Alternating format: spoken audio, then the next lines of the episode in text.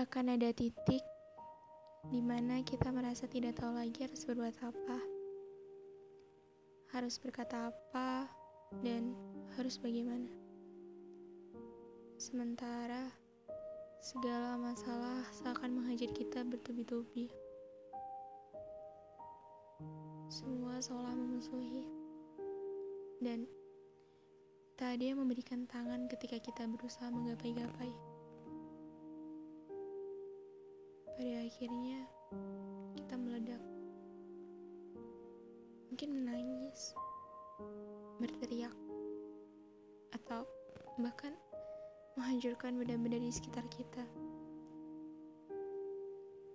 Ketika kaca itu pecah dan kepala tanganku dilumuri darah, aku tidak sadar. Yang ku tahu hanyalah aku gelap mata. Aku menyerahkan dunia atas ketidakadilan ini. Berjuta kenapa berputar di kepala. Aku tidak terima ditusuk oleh seseorang yang paling erat ku peluk. Kala aku merasa lelah. Sedih berganti kecewa. Kecewa berganti marah. Ironisnya, menjadi marah adalah hal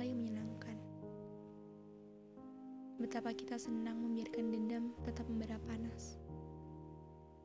Tanpa kita sadari, bara itu membunuhi hanguskan segala kebaikan yang ada di dalam diri kita.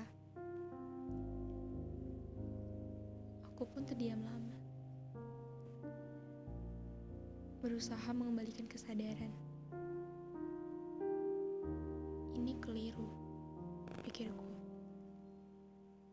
Emosi hanya akan membuat seseorang menjadi bodoh.